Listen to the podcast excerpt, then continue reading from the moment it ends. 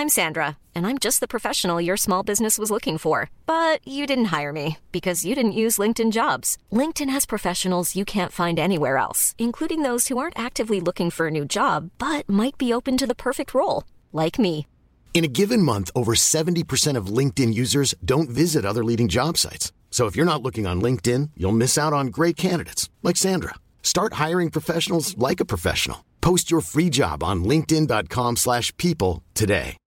When you need mealtime inspiration, it's worth shopping Kroger, where you'll find over 30,000 mouthwatering choices that excite your inner foodie. And no matter what tasty choice you make, you'll enjoy our everyday low prices, plus extra ways to save, like digital coupons worth over $600 each week. You can also save up to $1 off per gallon at the pump with fuel points. More savings and more inspiring flavors make shopping Kroger worth it every time. Kroger, fresh for everyone. Fuel restrictions apply. Vi har kommet til nyttårsaften. Vi skal spille inn podkast i dag sammen med Arne Fredli, investor og Monaco-basert, men akkurat nå i Oslo, og det er heldig for oss. Og Trygve Heggenar er med, i tillegg til meg, Line Vamstad. Og Da er det kanskje naturlig å begynne der vi er, Arne, fordi børsen har vært helt vill de siste månedene, og enkeltaksjer er priset skyhøyt. Hva kan du si om markedet akkurat nå? Det man kan si er jo at, at deler av markedet, for det er jo fortsatt en del aksjer som er normalpriset, men deler av markedet kan vi si er såkalt ustand, altså maskinen er ustand, eller altså at markedet er ødelagt. og Vanlige prisningsmekanismer det fungerer ikke. altså. Nei, nei, men altså Hvis noen priser et selskap til 100 ganger earnings eller 10, de får bare gjøre det, da? Ja, riktig, riktig. Og vi kommer til det. Så mitt, og Jeg skal ikke ødelegge noen fest her for noen. For alle, du vet, alle vil jo at aksjen skal opp, og det er jo hyggelig for alle hvis det kunne vare evig. da. Så jeg skal ikke ødelegge noen fest. Og, og, min take på det er at jeg er jo med så mye jeg kan, og rir, stå, rir kan du si, bølgen. Og tenker hele tiden på å være lett på labben, at dette her ikke kommer til å vare. da. Men prøver å være med så mye som mulig eh, innenfor de, eh, altså, likviditet og sånn som er mulig. da. Men, men eh, jeg bruker å si nå at, at, aksjemarkedet har blitt som kunstmarked. da. Så eh, det som egentlig skjer, er at i kunstmarkedet så et, et lerret koster jo 100 kroner, det vet alle. Og, og, så alle kan kjøpe seg et lerret, men så er det det opp, opphold lerretet. Mens en aksje bruker å ha en realverdi. altså en, en, aksje har en avkastningsverdi. Det skal komme en cashflow frem i tid. Og en aksje er ikke noe du setter på veggen eller pynter, mens kunst er jo bare marketing. Altså En gallerist i New York kan sikkert promotere en ny kunstner og selge bilder for en million kroner, hvis han ville. da. Marketing. Um, og um, det som har skjedd på Oslo Børs nå, og ikke bare Oslo Børs, det er ofte villere prisinger i USA på de samme aksjene. det kommer tilbake til. Men jeg så på de 50 siste noteringene nå på Oslo Børs, så har de fleste fått mellom 10 og 50 ganger investert kapital. Det vil si da at hvis dette her er om det er Hydrogenpro eller hva det er, de har en, en gjeng som har investert 20 millioner kroner, da. Så får de 500 millioner, 700 eller 800 eller 300 eller 400. Sånn, det er bra? Ja, det er bra.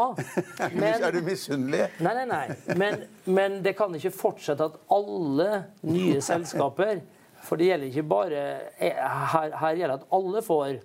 Så alle nye noteringer prises høyt. Og da vil du ende opp med at alle kommer på børs til slutt. Og det kommer litt tilbake til hvorfor dette kommer til å momentumet faller til slutt. da. Det kan vare lenge enda. Men hvis alle får 50 ganger investert kapital, så blir det for bra. Da vil alle komme på børs. Ja, Vi har jo hatt over 50 ja, nynoteringer ja, vi har jo hatt over 50 nynoteringer i år, og det er ventet at den bølgen av nynoteringer vil fortsette inn i neste år. Ja, altså det, men det er stort sett sånne grønne aksjer, da? Det er masse annet. Og det er, er det masse annet? Ja, men ja. det er alt fra eh, sensorer og til video til tusen andre ting. Altså, Droner og Droner og alt mulig rart. Alt som har med tech, alt som ikke har med stål å gjøre. altså Folk liker ikke fundamentale ting som stål, og det er greit.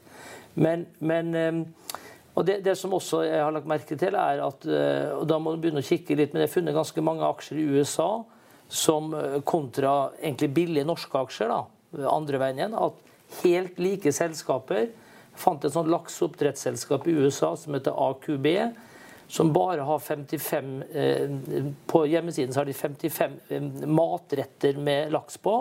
Og de sier de har en teknologi prisa til 4 milliarder. Og det er masse sånne eksempler. Slik at Men forskjellen da er at den har fått marketing, mens en aksje som ikke har fått marketing, prises da på en hundredel.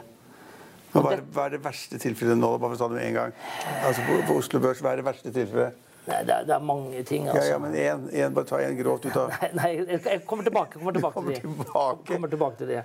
Men, men ehm, så, så, ehm, så liksom at sant? Og hvorfor er det sånn? Jo, for det er altså at nå handler hele verden aksjer. Og det er ikke maken. Altså. Det er venner, slektninger. Absolutt alle holder på med aksjer. Studenter osv. Eh, slik at eh, det er rett og slett for lite aksjer å handle i, for det er for mye penger som kommer inn kortsiktig. Etter hvert så vil det bare komme flere og flere selskaper, som du sier. Og jeg vet sikkert om Det er, det, er i hvert fall 50 selskaper som er blitt invitert på til, som kommer, da.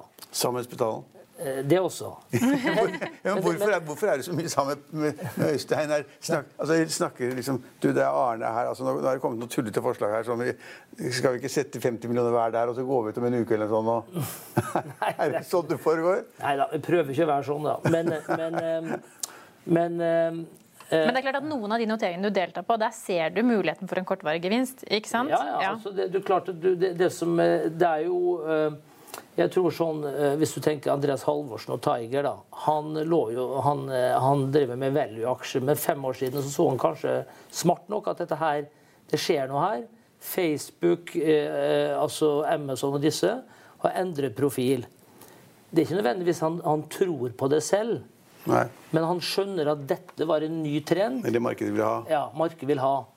Og da må du også rette det slik at nå har du fått en, en børs hvor rett eller galt at eh, du tilpasser det hva du tror andre vil ha, da. Enn å regne rene kontantstrømmer tilbake, da. Ehm, så det som også er morsomt Så du har ikke hatt noen sånne fangaksjer, du, da?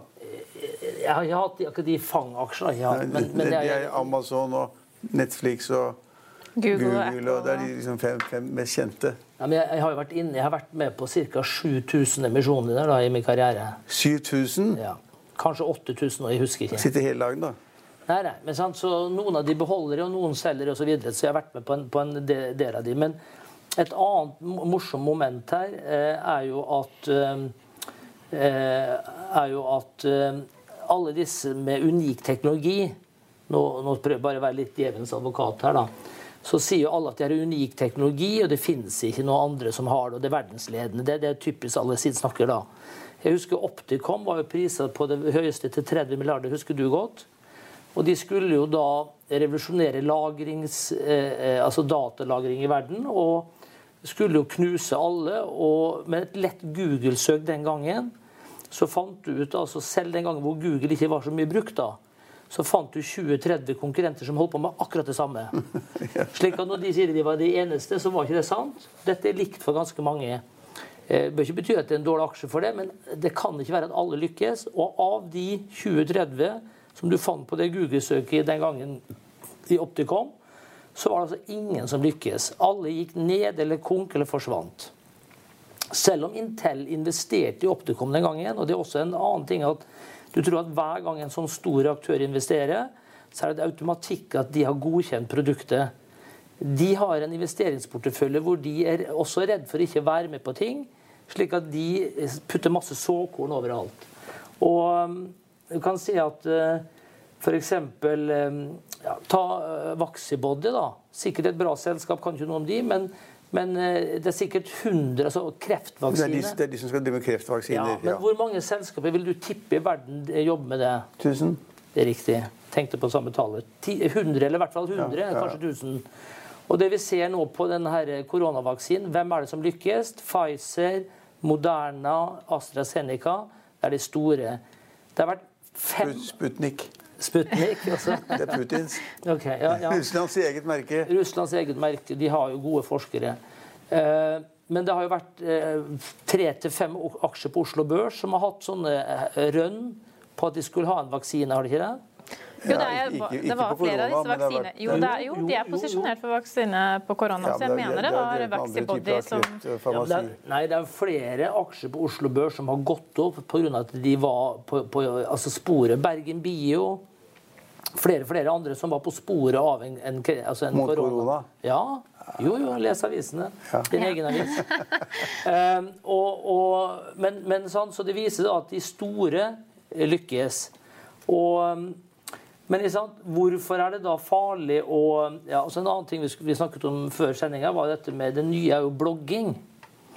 Så, så um, ja, når du sier blogging, så mener du ikke bare at hvem som helst setter seg ned og skriver? Eller, eller etablerte jo, nå, blogger nå, med Nå har vi jo hatt motebloggere. sant? Ja, ja. Nå har det blitt aksjebloggere. Og det er jo en tysk blogger som da eh, Nå finnes det en børs i Tyskland som heter Tradegate, hvor alle tyske retail-investorer kan handle retail da. Eh, altså i euro. De, de, altså de veksler om alle aksjene, så du kan sitte og handle i Tyskland i en rekke land. Og Det er en tysk blogger, og jeg bare fant fort at Nell, Quantafuel, Hydrogen Pro, Agilix, Hexagon Purus, TK2030, Everfuel har han laget analyser av. Han er spesialist på, hydrogen, da? Ja.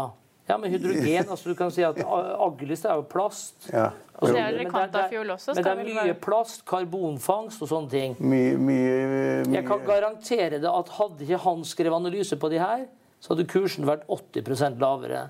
Så at det er tyske investorer og det er ikke nok... styrer Nell-markedet, bl.a. så det er en tysk blogger som styrer det norske markedet. Ja, men han er så jævlig god, han da. Nei, for at han har følgere. ja, men det, er, han er ikke så god. Det er for altså. lite aksjer. Og de to sistnevnte nevnte der, de var jo faktisk første noteringsdag, de som falt mest. Før da han skrev dette her. Og han tar betalt. Så det er betalte analyser. Og det er også en ny ting nå i, Sverige, f.eks. Hvor, hvor, hvor du kan altså kjøpe analyser. og det er jo en helt virvar av verden, og det er selvfølgelig et meglerhus. Kanskje ikke, eh, det, er ikke, det er ikke troverdighet med alle analysene til meglerhusene heller. Nei. Men eh, det at du da har betalt analyser Det er jo ingen som kjøper en analyse som er negativ. så, så, så, dette er vilt. Men når du nevner disse aksjene, da, Nell, altså Quantafuel, Quantafuel har jo vært eh, blant de aksjene som har vært både høyt og lavt denne høsten? Ja, da, Den kom, kom, jo ned nå. Men så, så, sier jeg også det at eh, jeg har lært meg at det er farlig å shorte disse aksjene også. Ja. Og man skal holde seg unna. Short for meg er egentlig å gå i cash. Hvis du veksler inn til kontanter, så er det for meg å være short, for det er altfor farlig. Og grunnen til at det er farlig å shorte disse aksjene, er det jeg kaller Tesla-syndromet. Og Tesla-syndromet for meg, eh, det er det at når en aksje blir så veldig høyt priset, kall det overpriset, men høyt priset, og ekstrem likviditet, så får du en valuta som er helt ekstremt verdifull. Den har en enorm verdi, og det er egentlig et våpen. Og Elon Musk han er jo en smart kar uansett, og en fantastisk marketing-guy. Slik at på fredag nå, hvor, hvor Tesla kom inn i SMP-indeksen, så ble det omsatt altså Tesla-aksjer for 150 ganger all omsetning på Oslo Børs. Bare, bare Tesla.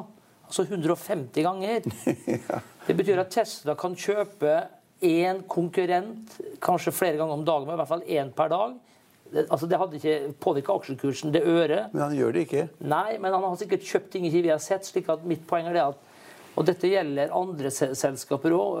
Veldig mye I Stockholm så har det skjedd at selv om du starter med en dårlig idé, du får en likvid aksje, så har du et byttemiddel. Da kan du kjøpe de beste ingeniørene, du kan kjøpe andre tech-selskaper. Kahoot har jo vært flink med, så De har fått nå en verdi hvor de nå er i en posisjon hvor de egentlig er ledende og kan kjøpe andre tech-selskaper. Da kan de få innvandreffekt hele veien. Eh, Visma var jo bygd opp sånn ved å, å, kjøpe selskaper he, he, hele tiden. Så um, du, det er jo han, den, En av de to-tre beste investorene i tillegg til deg er jo Spitalen. Det, det er vennen din. Han kjøper jo de selskapene fra Tyskland hele tiden. Hvem han? Spitalen. Ja, ja, men han vil tjene penger. Han skjønner jo det. det er ikke noe. ja, men det, Arne er vel med på det ja, racet der? Også, men, jeg også, men, men altså Du må advare han da. Han skjønner ikke helt, han da. Jo, jo, han følger godt med. så, så derfor så kan du si at uh, Eh, sånn som det vi kaller Tesla-syndromet. Mm. At disse blir så likvide og får så mye byttemiddel eh, at de blir vinnere likevel, selv om ideen kanskje i utgangspunktet Tesla var sikkert grei nok, men kunne vært dårlig også. Det er noen som har gått konk på å shorte Tesla? da? De har ikke skjønt det? Eh, jo, jo, nei, det er enig. Men, men Tesla er kanskje ikke det beste eksempelet på den, men det er et godt eksempel på hvilken markedsmakt du får, og hva du kan gjøre med den likviditeten. da. Um, og Så kan man jo begynne å filosofere. da? Skal dette her falle? Trenger det å falle? Altså, eh, jeg bruker å si at eh, eh, det er litt, litt eh, eh, interessant, men, men egentlig så bytter man jo bare penger her. Så hvis når vi tok dette glasset her, så sier vi at nå du eier dette glasset, Trygve. Du tar det på Oslo Børs og børsnoterer det til 1 milliard. Det, glasset er helt unikt. Det er veldig unike egenskaper. Du, du har fått det for null, som alle, alle disse selskapene. Så selger du da 50% av selskapet til meg og Eline for 250 millioner hver. Eh, så går, dobler aksjen seg, vi har tjent penger, og du har eh, tjent enda mer penger, og så går alt til null igjen. Da du, da har vi tapt 250 millioner, altså vi har tapt 500, du har tjent 500. Pengemengden er den samme. Så det samfunnsøkonomiske tapet er null, for den, den glasset kostet ingenting. Og det var ingen arbeidsplasser som ble brukt til feil ting istedenfor hjem, hjemmehjelp osv. Så, ja. så, så hvorfor faller det til slutt? Har du tenkt på det? For egentlig bytter du bare penger, og realøkonomien blir egentlig ikke påvirka at du har tjent 500 og vi har tapt 500. Hvis det ikke er noen kjøpere, så faller det til null? Nei, så eh, det som skjer er det at Når du får en sånn prising som du har på Oslo Børs nå, så kommer det kanskje 100 selskaper i, i, om en måned eller ti måneder. Til neste år, hvis dette fortsetter, så kommer alle. Så da kommer du til å få børsnotert alle bedrifter som finnes i Norge, og gjerne utlendinger som kommer til Oslo Børs, eller de noteres i USA. Og til slutt så stopper momentumet, og så tenker det Eline har da doble pengene sine på det glasset, så hun kjøper en, yacht. hun kjøper en yacht. Ja. Tenker at nå vil jeg leve litt. Ja, det er minst en yacht. så kjøper hun et fint nytt hus og en yacht og, og noen smykker osv. Og, så videre, og så er hun så positiv at hun går i banken og låner litt penger. Mm.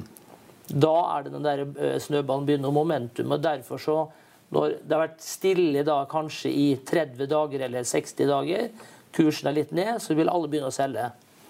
Men sånne ting kan vare lenge, for det er ikke noe realøkonomisk at vi bare bytter penger. da. Ja, for Det ser jo ut som at vi går inn i et positivt år. ikke sant? Her vet vi at vaksinene ja. kommer, kanskje man unngår disse lockdownsene, man kan begynne å åpne opp igjen samfunnet etter hvert. Så man tror jo liksom at det skal være sånn positiv drive gjennom 2021 også. Men ja, hva er det som nei, men, nei, For et par dager siden så skjedde jo da det som kanskje ingen hadde drømt om. Da var alle var litt optimistiske pga. vaksine og det ene med det andre. Og, og så plutselig kom da beskjeden om at det var et nytt virus i Storbritannia. Ja. Nektet, Et mutert virus, ja. Så nektet da de europeiske landene å ta imot flyene fra Storbritannia. Ja. Da snudde markedet til rundt med en gang. Ja, og, og, det er en, real, det er en realøkonomisk eh, faktum bak. For det, det, det, stenger et land. Altså, hvem, hvem, kan handle med Storbritannia? Altså, Nå er det ikke så lett å handle med Storbritannia uansett. Nei, nei, derfor, derfor går aksjemarkedet men... ned. Det er forklarlig.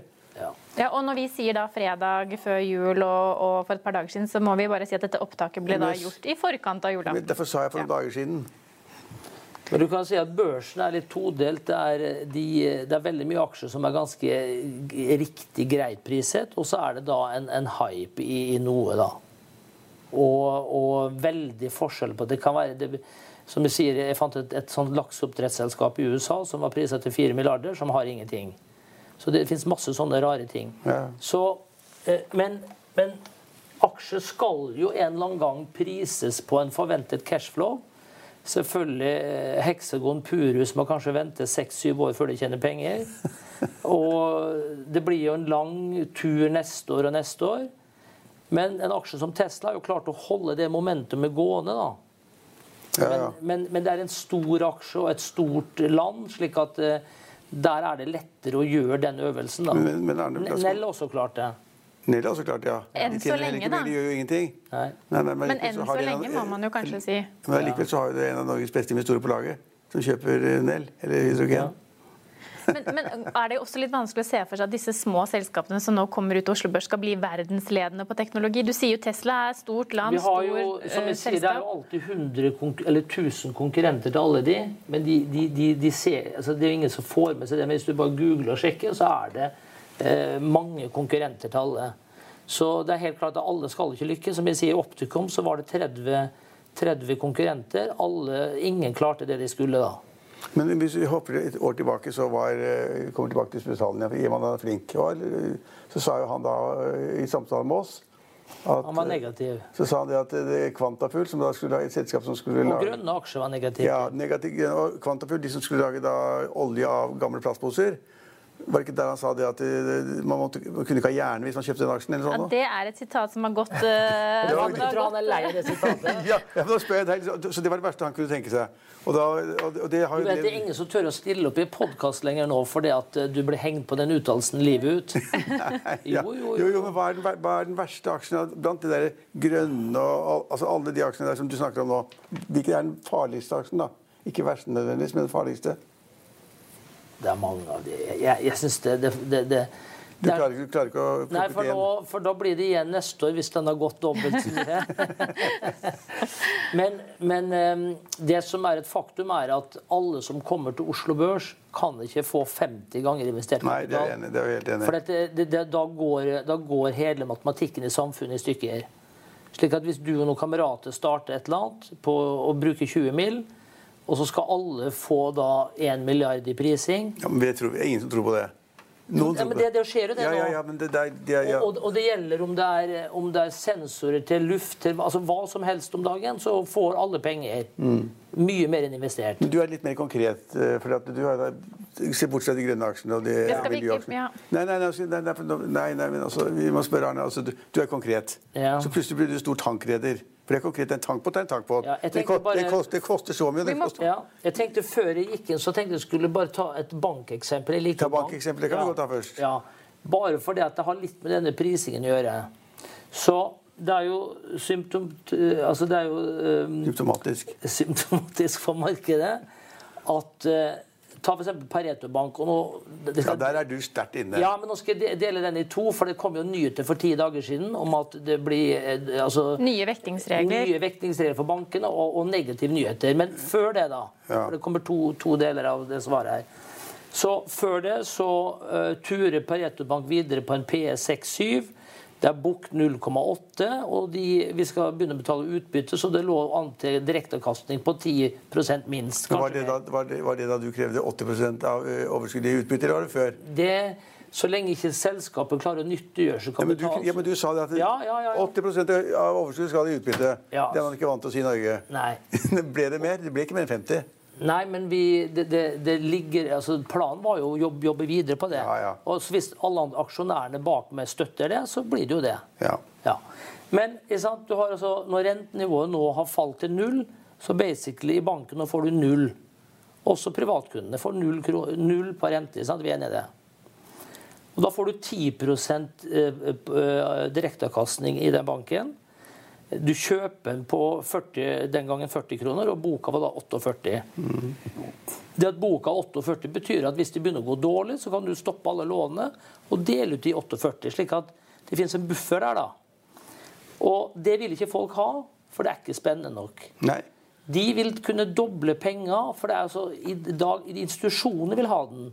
Eller kanskje ikke den, men, men generelt bankaksjer, da. Men, og det er fordi at uh, uh, retail de vil kunne doble penger. De ser nå på børsen at det er mulig å doble penger hver dag. for Det skjer hver dag. Og Da vil de også være med på det. Og da vil de heller ha, ha et lodd enn å ha den. Det var det samme som skjedde på 90-tallet. Arne. Da, var- da, da var de som kjøpte aksjer i DNC, eller senere DNB, de var sikret en avkastning på 8% i året. eller sånn, og alle pensjonistene hadde den aksjen. Men så skjedde det noe i verden. Plutselig så var det penger borte allikevel.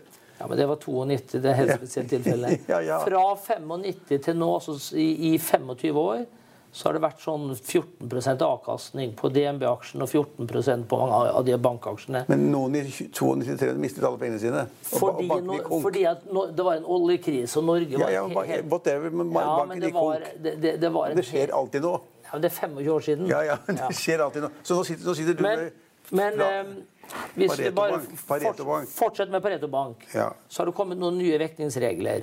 Disse, jeg regner litt på de, og det, det, det er slik at svenske banker altså For å komplisere dette her, da, altså De store bankene som, som er såkalt IRB-banker, da, som har egne vektingsregler, de slipper disse reglene. Men småbankene får, de, får disse reglene. Men eh, lang, lang historie kort. altså Swedbank i Sverige ville fått en, en avkastning på egenkapital på 32 med de nye reglene. Eh, eller eh, med forrige kvartals altså eh, Hvis du så bare på forrige kvartal i Pareto Bank 32 mens Pareto Bank selv får 12% Altså de får tre ganger høyere avkastning. Så det er jo åpenbart at Pareto Bank burde vært eid av Swedbank eller noen andre. Ja, ja, ja, ja. Du lanserer en oppkjøpskandidat her du nå, Arne. 100 Det er fem-seks utenlandske banker, fem-seks norske, som er helt no-brainer. Bare pga. regelverket burde eid Pareto Bank. Så det, er- altså, det, er, det er som å trylle, altså. ja. Så er du ute av Pareto Bank nå, da? Jeg er ikke ute av den. Ikke før den blir solgt. Skal ikke før den blir solgt. Men er det, altså du følger, har jo fulgt banksektoren veldig tett. Arne, og Mange ganger når du har vært her, så har det vært bankaksjer som har vært blant favorittene eller muligheter. Ja, Er det noe attraktivt attraktivt nå? Det er her nå? sparebanker, det. Ja, det er jo bank, det òg, da. Ja, og, og de har jo gått kjempebra, alle de årene. ja, ja. Det har vært fantastisk. Svein Støle putter jo alle penger der sjøl. Mm, Han er ikke med på noen emisjoner selv. Alle de nye emisjonene som Pareto gjør, der holder han seg unna. Men han tar alle da disse uh, sparebankene. Han har lært opp her i huset, vet du. Ja, jeg vet det, vet det. Han, han er forsiktig. Og de bare bygger sten på sten. Men altså, den, eh, de fleste eh, private retail-kunder vil ikke ha sten på sten. Så, så, så, så summen av det, eller konklusjonen på det der er at de nye reglene som kom, kapitalreglene, de gjør det lite, lite gøy å være i småbanker eller i Pareto Bank. Pareto Bank vil gå ned fra sånn 15% avkastning til 12 men det har allerede vært strenge regler fra før, slik at en utenlandsk bank kan si, Svedbank de har lavere kapitalkrav i Sverige, de har lavere vektingsregler, og de har lavere funding. De ville fått 32 eller mer prosent. Og det er jo helt fantastisk. Du vet, Hvis de kan kjøpe noe for 32% avkastning, det er jo helt vilt, det. Ja. Ja. Så der får vi se hva som skjer. okay, Det det gjenstår å Jeg skjønner se. nå det at eh, året ebber ut med at Arne Fredli er ute av Pareto Bank. Nei, er Han er ikke det. Nei, Han er ikke ute av Pareto Bank før han får solgt den til en storbank. Det Jeg har mente han ikke at sagt nå var ganger, ute ganger, historisk, Trygve. bare at han er ute av det sånn. Han er på vei Ja, ut ja, av det. ja. Men, men altså, vi slapp grønne aksjer litt raskt, for at mange mener at de grønne aksjene er boblepriser. Det kommer EUs taksonomi neste år. Har du regnet og sett på mulig de beste casene å være i den sektoren inn i 2021? Altså, hvis man Nå skal jeg ikke Skal vi begynne på grønne aksjer om igjen? hvis man, hvis man tror på så burde du bare kjøpe karbon direkte. Det er veldig lav priset foreløpig. Du kan, Ja. du kan kjøpe altså direkte råvaren. da. Ja. Aker sier det skal koste 100 euro per tonn å, å fange karbon. Og du kan kjøpe den for 28 langt frem i tid. I'm Sandra, and I'm just the professional your small business was looking for. But you didn't hire me because you didn't use LinkedIn jobs. LinkedIn has professionals you can't find anywhere else, including those who aren't actively looking for a new job but might be open to the perfect role, like me. In a given month, over 70% of LinkedIn users don't visit other leading job sites. So if you're not looking on LinkedIn, you'll miss out on great candidates like Sandra. Start hiring professionals like a professional. Post your free job on linkedin.com/people today. I'll see you in court. Vi sier det ofte litt på spøk, men for deg som driver business, er det aldri moro å innse at du ikke har laget en 100% gyldig kontrakt. Du bør ikke risikere hele firmaet ditt fordi du synes dette med kontrakter er litt stress. En avtale er ikke en avtale. Du kan miste kunder, miste venner, ja, til og med miste inntekter om du ikke lager en skikkelig kontrakt, på alt mulig, egentlig. Men vi vet det er et styr. Kopimaskiner, tregprinter og haugevis av papir. Dessuten stoler vi jo på folk her i landet. Det er ofte litt kleint å skulle be om en signatur for alt mulig, ja, for mye av styret handler også om jakten på underskriften.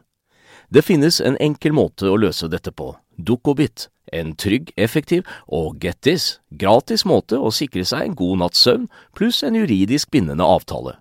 Dukkobit-appen har de strengeste sikkerhetskrav i bunn, samt en EU-godkjent og sertifisert teknologi. Framover vil det bli behagelig å spørre du, skal vi skrive under på det, eller? Kom i gang på dukkobit.no. Så her er noe feil. ja, det er morsomt.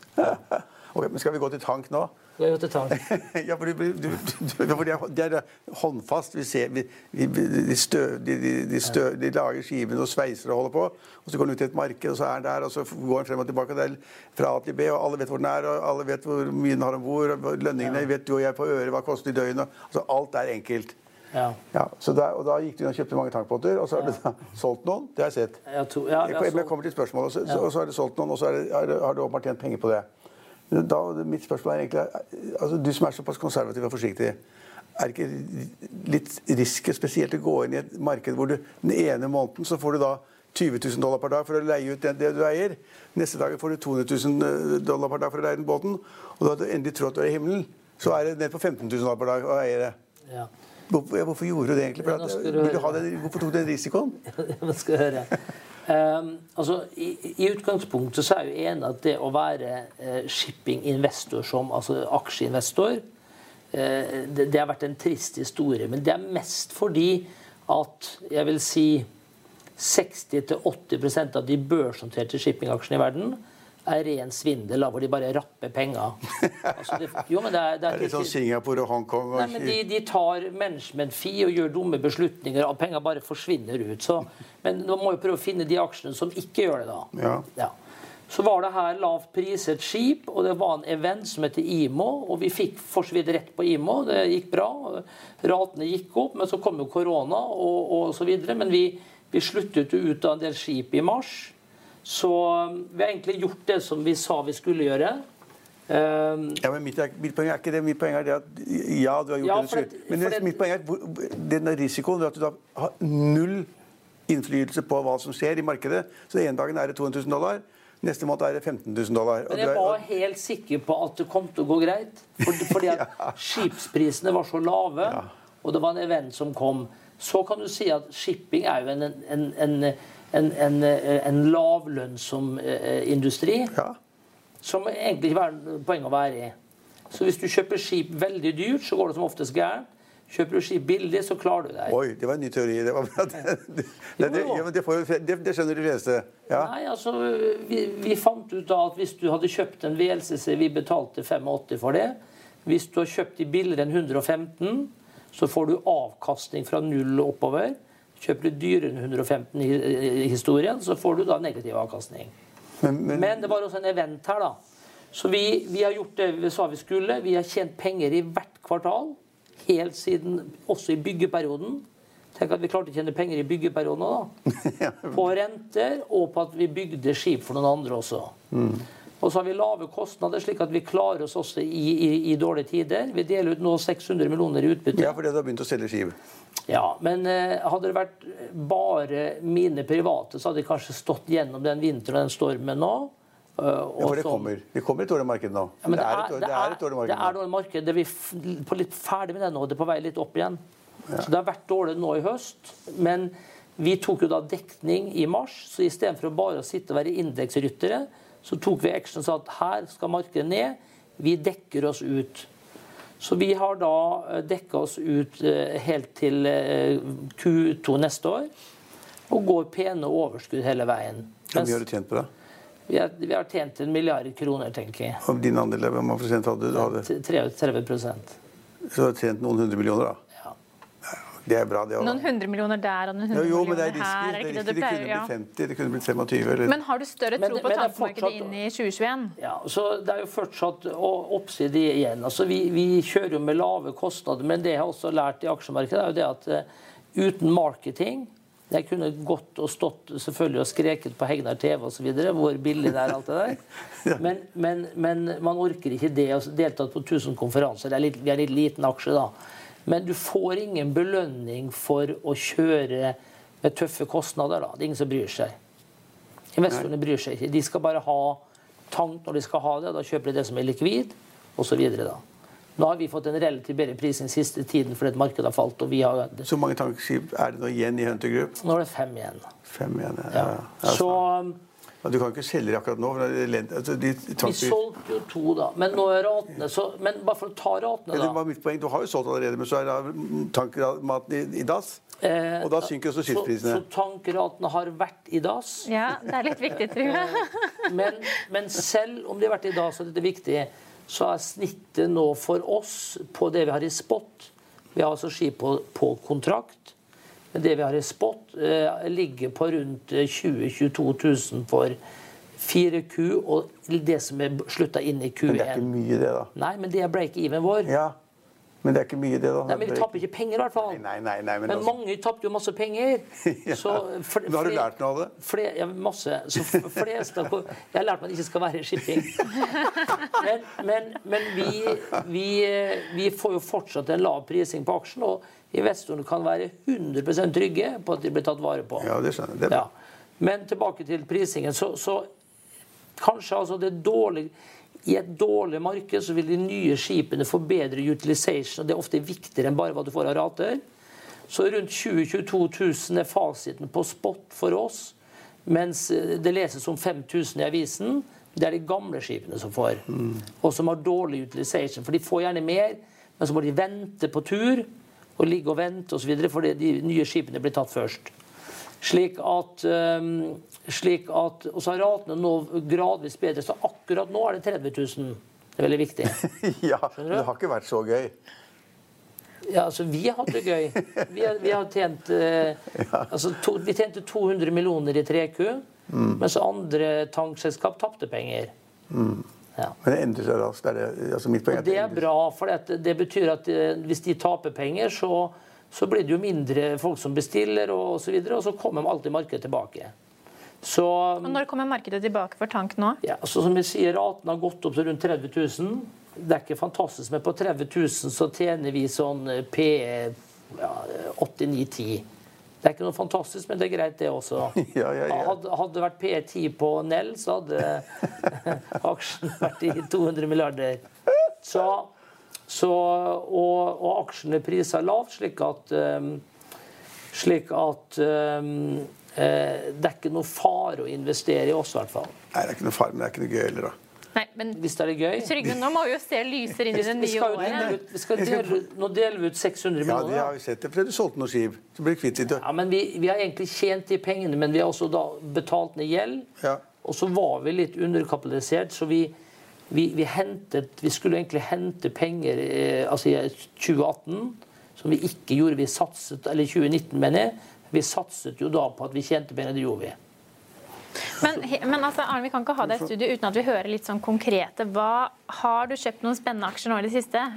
Kan ikke, kan ikke fortelle Selvfølgelig. Ja, det er jo... Jeg har kjøpt 10 av noe som heter GMP Energy. Det er en konkurrent av Fjordkraft. Og um, de er i hvert fall ekstremt mye billigere priser enn Fjordkraft. da. Og vi legger opp til et utbytte på 2-3 kroner, så den kan bli bra. Men det er langsikt, og så er det også en opsjon på 10% altså jeg er egentlig 20 og det er da et energiselskap? Det er kraftselskap. Jeg, jeg vet, men Hvor mange selskaper er du inne i av gangen? Altså, er det portefølje på 30 aksjer eller 5 aksjer? Det, det, var jo, det var jo den tabben. I gamle dager så kunne jeg ha 80-90 posisjoner. Det er bare tull. Det er tull. Ja. Så det riktige er å ha 10, egentlig. Men det klarer du aldri, da. Rundt 10 posisjoner? Det, det burde ha 10 har... obligasjoner, 10 aksjer, da. Ja, men du har litt mer enn det, altså? Ja, det altså Med ti nynoteringer i måneden inn i 2021, så blir det vel vanskelig å holde Ja, det, det, det er håpløst. Så. Jobber ikke du nesten alene? Jo da. Så man, man burde Jeg tror den riktige det, det å jobbe med 10-15 aksjer er riktig. Mm, kanskje med, i meselaget det òg? Kanskje? Ja.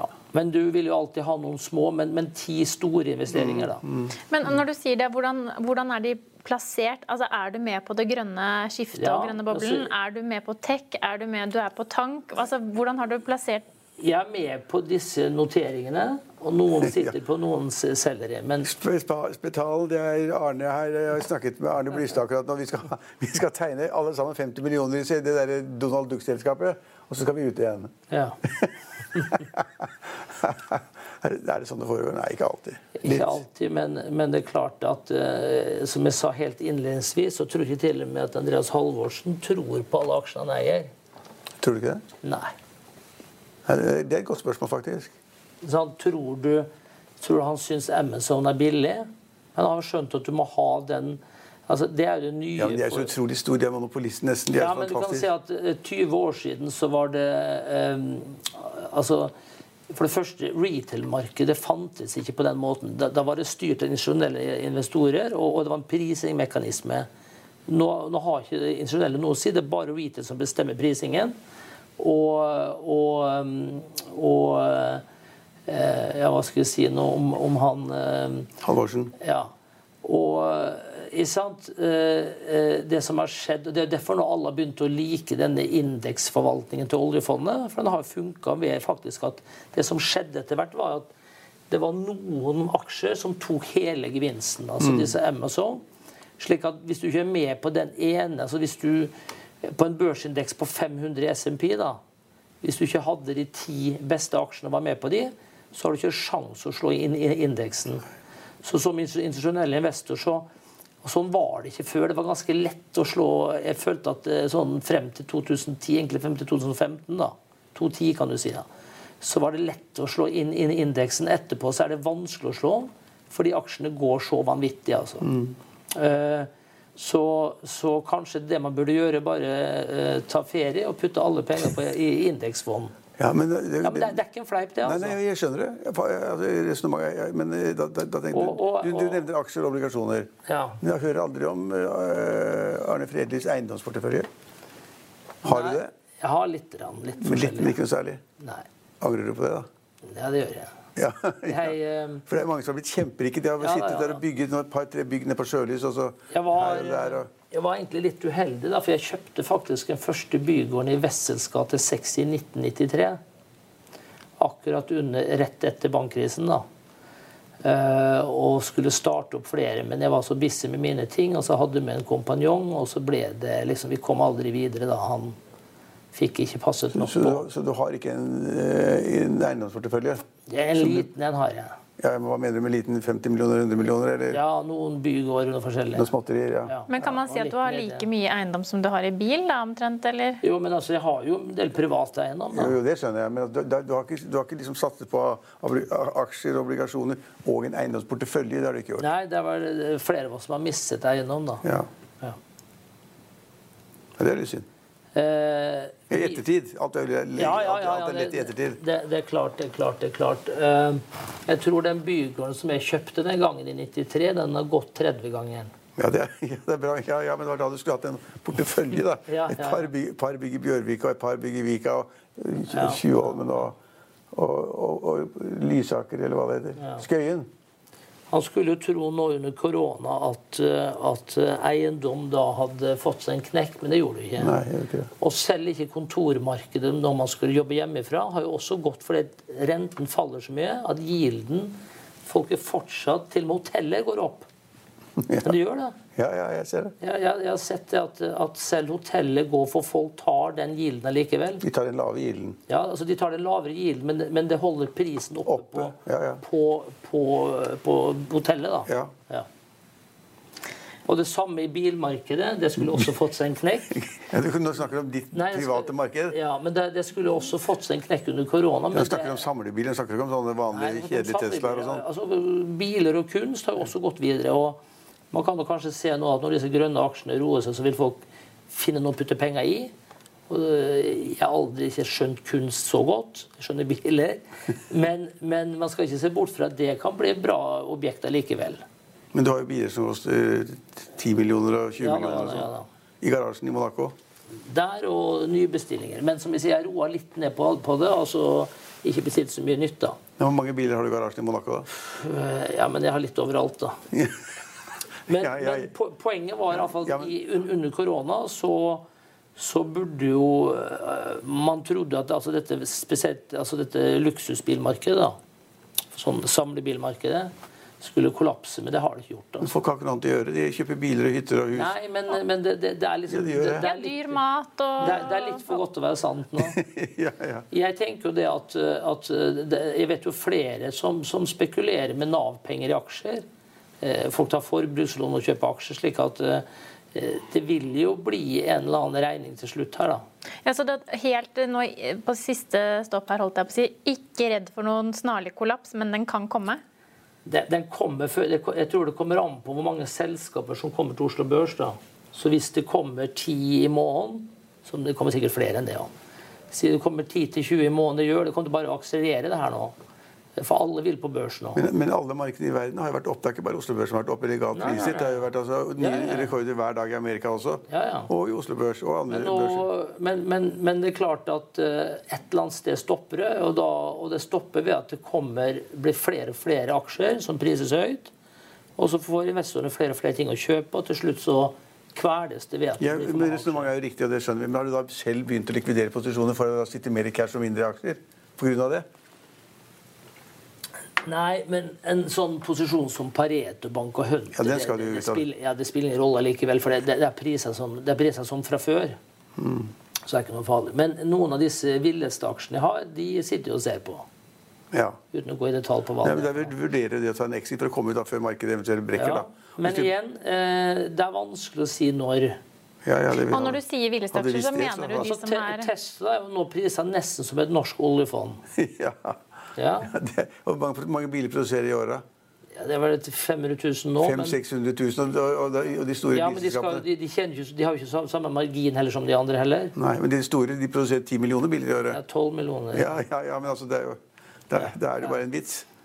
Ja, hvis det er en vits, men, men liksom øh, Du kan ikke bestemme at kursen skal ned. Nei. Og da er vi tilbake til disse tingene som vi sier, at øh, Tesla er blitt altså et, et altså Omsetningen er så enorm Ja. at de kan kjøpe andre selskaper og kjøpe seg eh, altså eh, fortjeneste. da. Skal de ikke begynne med batterifabrikk istedenfor? Altså de, de kan jo de, de er så svære at de kan jo egentlig gjøre veldig mye. Ja, altså, de, de, kan altså kjøpe både kan du si, batteriprodusenter osv. og ta overalt gjennom den valutaen de har. da. Men nå har du sagt at du skal se litt nærmere på de villeste aksjene du er inne i. Og for de som leser Finansvisen, så har de sikkert fått med seg et par av de aksjene du har eh, vært innom. Så da får man sitte, gå hjem og regne litt da, på hvem Ja, ja. eh, Fredelig Men- lurer på man skal ut av. Riktig, riktig. Så, men, men det er vanskelig å, å sitte og anbefale aksjer som du skal bare, altså, som varer en uke og to. da. Ja. Så, sånn er det. Men, eh, men det, er jo et, det er jo et rart trekk at folk ikke vil ha 10 eh, direkteavkastning. altså. ja. Fordi de sier som deg at eh, vi vil ha 50-gangeren. Ja, de, de, har, de putter inn 10 og 20 50 000 kroner, og det, de orker ikke liksom 10% i året. Og da har jeg spurt deg vel tredje gangen, hva, nå skal vi avslutte programmet her, men hva, hva er den verste aksjen? Ja, men eh, jeg vil ikke De, de, blir så sure, de. Så, så eh, Ja, ja. du, du kan få si det. Nei, ikke, nei, det kan jeg ikke si. Jeg, Og du, okay. tenkte, du, du tenkte Trygve hadde en kandidat eh, Var det Kvantafjord du tenkte på, Trygve? Han har sikkert mange nei, jeg, vi har snakket om det mange ganger. Nei, det, er, det er mange aksjer som er utsatt. Jeg er enig med deg. Hovedbudskapet i dette programmet nå har jo vært det at, at prisingen er feil, og så kommer det masse nye selskaper inn. Alle Ja, sant? Altså, når, når tyske bloggere bestemmer Ja. eh, kursen på Oslo Børs Sånn burde det ikke være. Nei. Nei, Det kan jeg være enig om. Da får vi runde av året med Det er en god, ja, med det, den- sånn burde det ikke være. I, Sånn burde vi ikke ha det i 2021, men det kommer til å komme mange aksjer derfra likevel. Sikkert. Tusen takk for at du kunne være med oss, Arne Fredli. Takk. Økonominyhetene er en podkast fra Finansavisen. Programledere er Marius Lorentzen, Stein Ove Haugen og Benedikte Storm Bamvik. Produsenter er Lars Brenden Skram og Bashar Johar. Og ansvarlig redaktør er Trygve Hegnar.